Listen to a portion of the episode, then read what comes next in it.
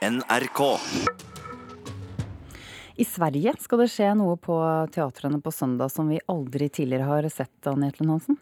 Ja, da skal nemlig skuespillere fortelle historier om overgrep i bransjen. Dette skjer fra scenen, og det skal skje, eh, skje på teatret over eh, hele landet. Kommer tilbake til dette straks. Aller først skal vi høre at de største profilene på sosiale medier her i landet er altfor dårlige til å merke innlegg som er reklame. Det kommer frem etter at Forbrukerombudet har undersøkt flere av de unge norske profilene innen sport og musikk som har flest følgere på sosiale medier. Forbrukerombud Elisabeth Lier Haugseth, god morgen. God morgen. Dere har også sjekket 20 av de største. Hele 18 av dem bryter reglene ifølge dere. Hva er det de gjør galt? Ja, det, For det første så er det ikke merket eh, reklame i det hele tatt når de legger ut reklame for eh, forskjellige produkter og kommersielle merkevarer. Eh, det merkes for dårlig. Eller det kommer ikke fram hvilken annonsør de har lagt ut reklame for. Og dette er ting som gjør at det er vanskelig å skille hva som er deres egne innlegg og hva som er reklame. Ok, men Du må gi eksempler, da. Hvordan foregår slik reklamering? Jo, altså det er jo sånn at Sosiale medier er jo en litt sånn spesiell og personlig arena da, hvor mange mennesker følger en person som har stor innvirkning, altså influensere.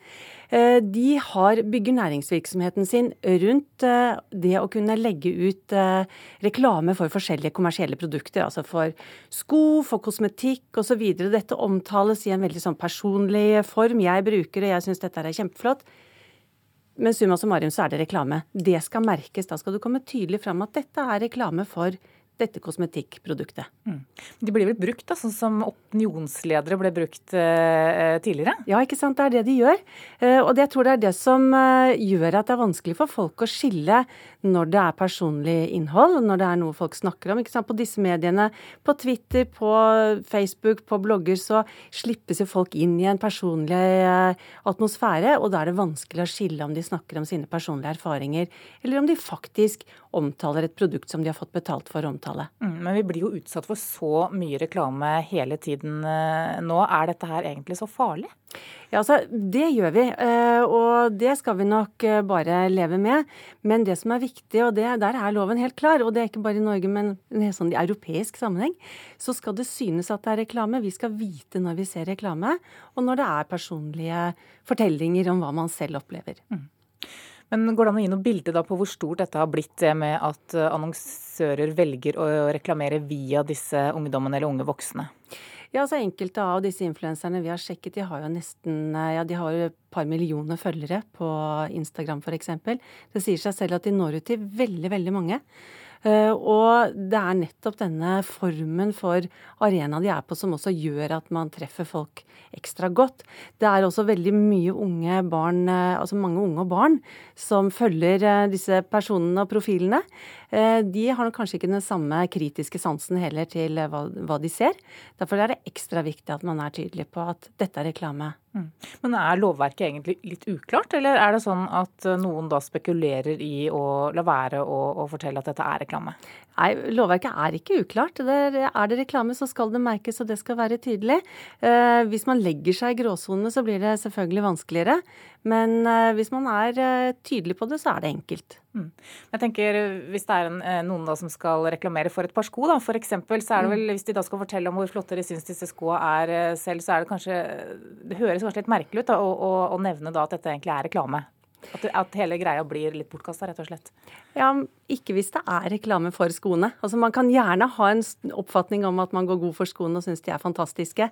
Eh, har du en avtale med den eh, leverandøren, så skal det også komme tydelig fram for forbrukeren at eh, du har en økonomisk og kommersiell avtale, og at du omtaler de i kraft av å gjøre det. Mm.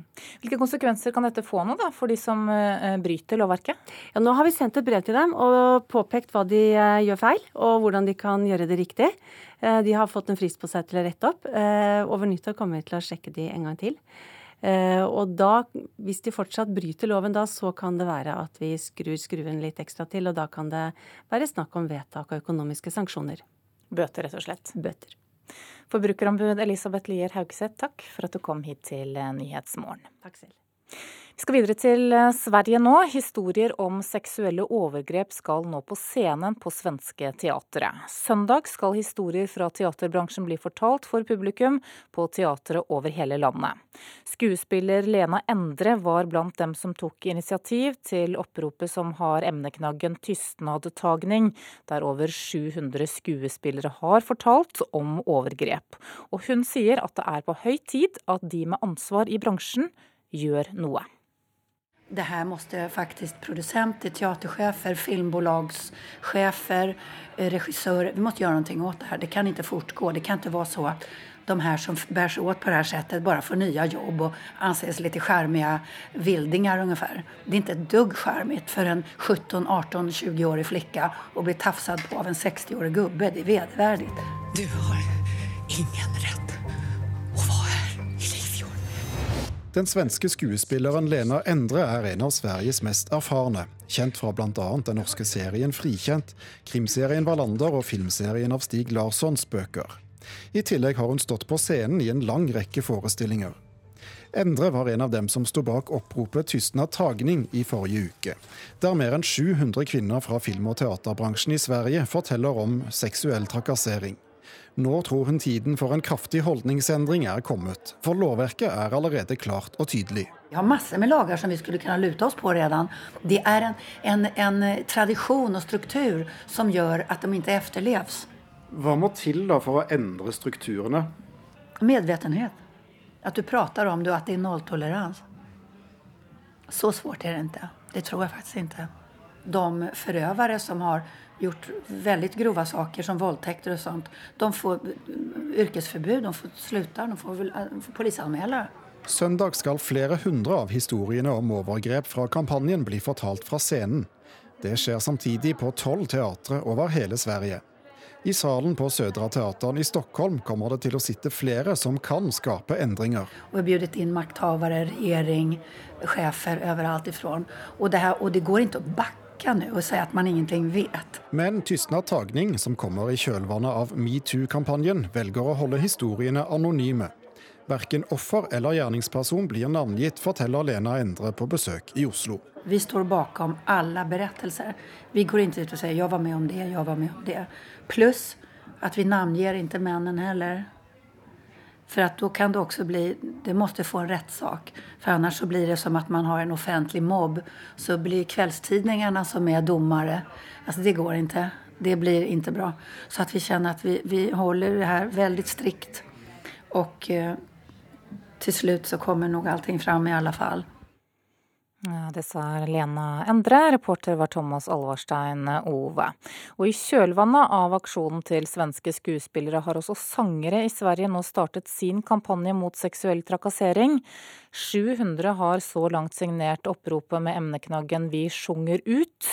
Og det sprer seg også ut av kulturlivet. 4000 kvinnelige svenske jurister forteller sine historier i oppropet som har emneknaggen 'Med hvilken rett'.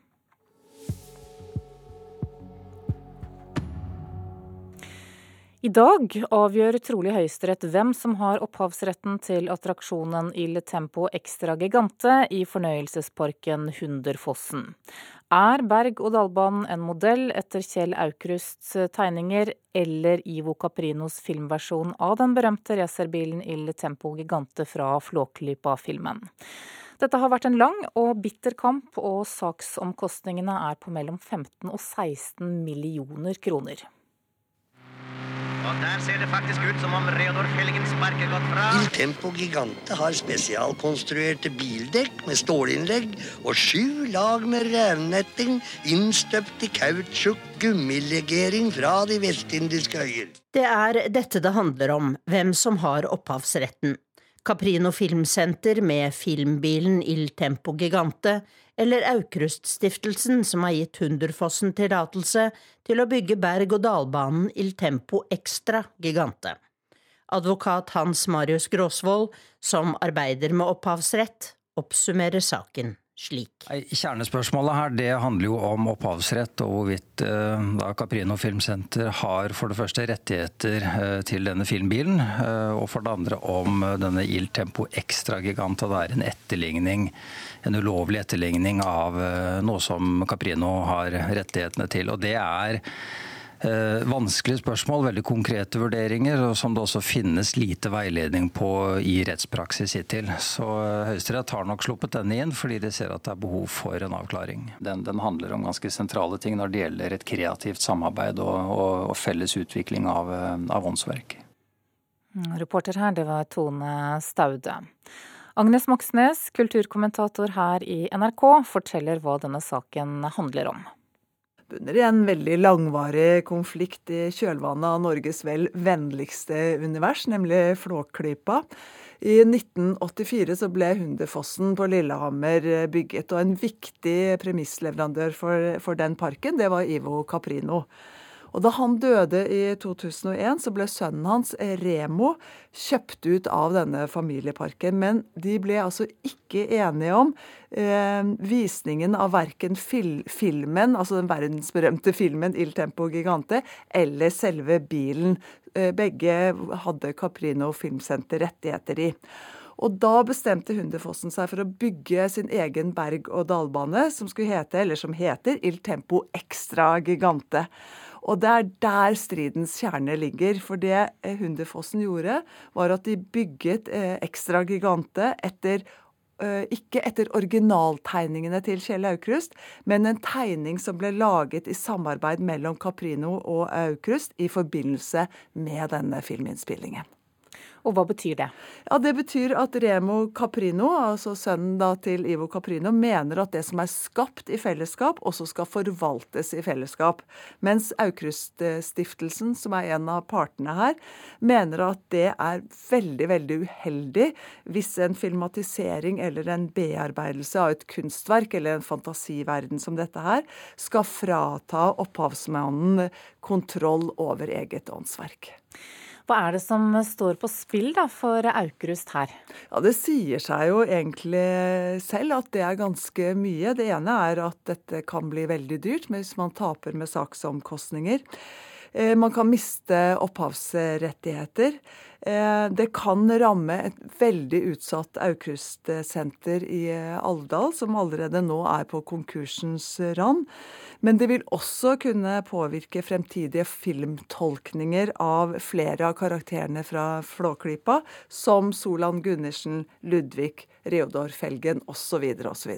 Mm, det er også mye som står på spill for Caprino her kostbart for han også, selvfølgelig. Han mener jo at det som Altså Det som oppsto i møtet mellom faren hans, Ivo Caprino, og Kjell Aukrust, ga et helt særegent uttrykk som han vil ha opphavsretten til, og som igjen da kan bety inntekter for ham. Så er altså saksomkostningene på mellom 15 og 16 millioner kroner. Mye penger. Hvorfor er det blitt så dyrt? Eh, først og fremst fordi at dette er en sak som nå har gått for retten i fire år. I 2014 i tingretten, da tapte, eller da vant Aukrust-stiftelsen og, og Hunderfossen. I lagmannsretten så eh, vant Caprino, så det står liksom uavgjort nå før man muligens da i dag får et svar fra Høyesterett. Så er det mange dyre advokater som har vært i arbeid på begge sider. Det er en vanskelig sak, det er en prinsipiell sak, det er derfor Høyesterett har tatt den opp. Og så er det veldig spennende fordi at det både handler om den videre, altså prinsippet om videre bearbeidelse av originalt kunstverk, og hvordan arven etter Aukrust kan tolkes og brukes i årene fremover. Det sa kulturkommentator Agnes eh, Moxnes. Og det er altså sånn at når avgjørelsen kommer, så får du vite det både på radio, TV og nett her i NRK skal snart til en britisk film. Aller først nå så kommer det også meldinger eh, på byråene om at Zimbabwes president Robert Mugabe er pågrepet i en fredelig maktovertakelse, som det heter. Det er regjeringspartiet som er kilden på dette her. Vi kommer tilbake til mer om dette om noen minutter i Nyhetsmorgen. For nå skal det handle om den britiske filmen 'God's Own Country', som har premiere på fredag. Filmen handler om forholdet mellom en bondesønn og en rumensk gjestearbeider på den britiske landsbygda. NRKs filmkritiker Birger Vestmo sier at regissør Francis Lee har laget en blendende vakker kjærlighetshistorie. They call thee Georgie or something? Georgie. Whatever, get in. God's Own Country er et av årets sterkeste drama på kino. Regissør Francis Lee har laga en blendende vakker kjærlighetshistorie som må finne seg i å sammenlignes med etternavnebror Ang Lees Brockback Mountain. Også her handler det nemlig om vanskelig kjærlighet mellom tøffe menn ut i naturen. Det er en historie som åpner sint og aggressivt, og avslutter varmt og ømt. Figurenes reise og deres utfordringer gjør stort inntrykk. Lie økonomiserer med dialogen slik at lite sier mye. Fotografen fanger inn hver nyanse i skuespillernes vare prestasjoner, mens Yorkshires nydelige natur er et betagende bakteppe for historien som utspiller seg. God's Own Country anbefales på det aller varmeste. I love needs help. I could have managed. I've done so far. Yeah, of course you have. Den frustrerte bondesønnen Johnny, spilt av Josh O'Connor, driver en gård med kyr og sauer, mens hans uføre far, spilt av Ian Hart, sjefer og kjefter. Mot Johnnys vilje leier faren den rumenske gjestearbeideren George, spilt av Alex Sekareanu, for å hjelpe til på gården. De drar ut på de åpne markene for å reparere et gjerde, og der oppstår det en gnist mellom dem som uerfarne og uavklarte Johnny sliter med å realisere til noe godt. When I was a kid, I thought I would never leave my farm. It's beautiful here, but lonely, you know?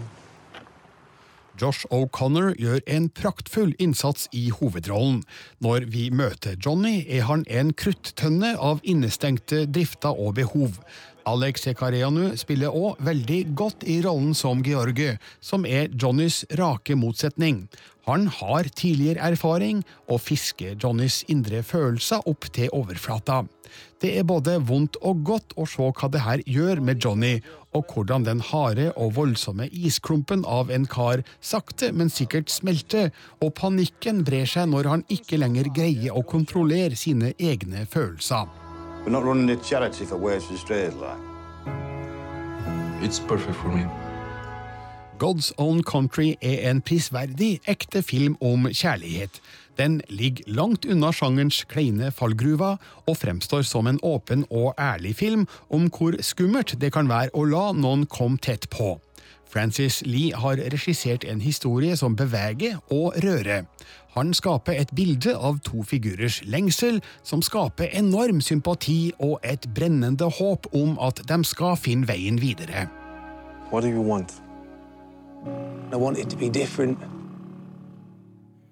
Ja, det var vår filmanmelder Birger Vestmo som hadde sett eh, God's Own Country, og filmen har altså premiere på fredag. Du har hørt en podkast fra NRK P2.